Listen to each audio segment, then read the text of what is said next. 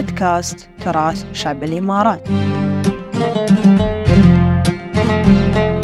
السلام عليكم ورحمة الله وبركاته. معاكم الطالبة مها عبد الله الشحيد من جامعة أم القيوين طالبة في السنة الأولى في كلية القانون. سأتحدث اليوم عن الأكلات الشعبية لدولة الإمارات العربية المتحدة. عندما تمتزج رائحة البهارات الفاخرة مع عبق التاريخ الأصيل ونرى أبهى صور الكرم والجود مقترنة بالموائد. نتأكد بأن هذا هو المطبخ الإماراتي العريق. يرتبط المطبخ الإماراتي بشكل كبير بالبيئة التي نشأ فيها من حيث السمات والنكهات فتتميز الأكلات الشعبية في الإمارات بمذاقها الغني وبالبهارات الخليجية مثل الزعفران والهيل والقرفة وماء الورد وغيرها.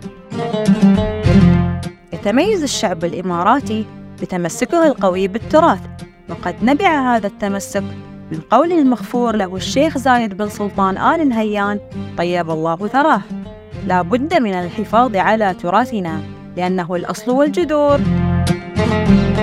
وعلينا أن نتمسك بأصولنا وجذورنا العميقة.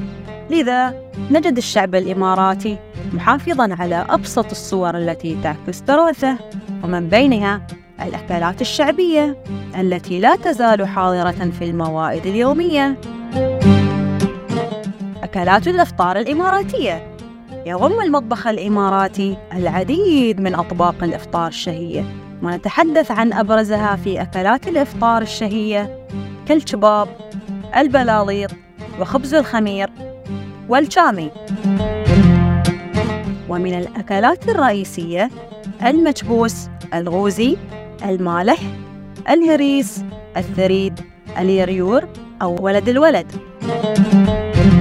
وننتقل للحديث عن أشهر أصناف الحلويات والتي تشكل جزءا مهما من أكلات الإمارات الشعبية كالخبيص والساقو والعصيدة والخنفروش. وأيضا هنالك البثيث ورنجينة التمر. كان هذا كل ما لدينا حول الأكلات الشعبية الإماراتية التي تقدم على الإفطار وكوجبات رئيسية إلى جانب الحلويات الإماراتية. بودكاست تراث شعب الإمارات.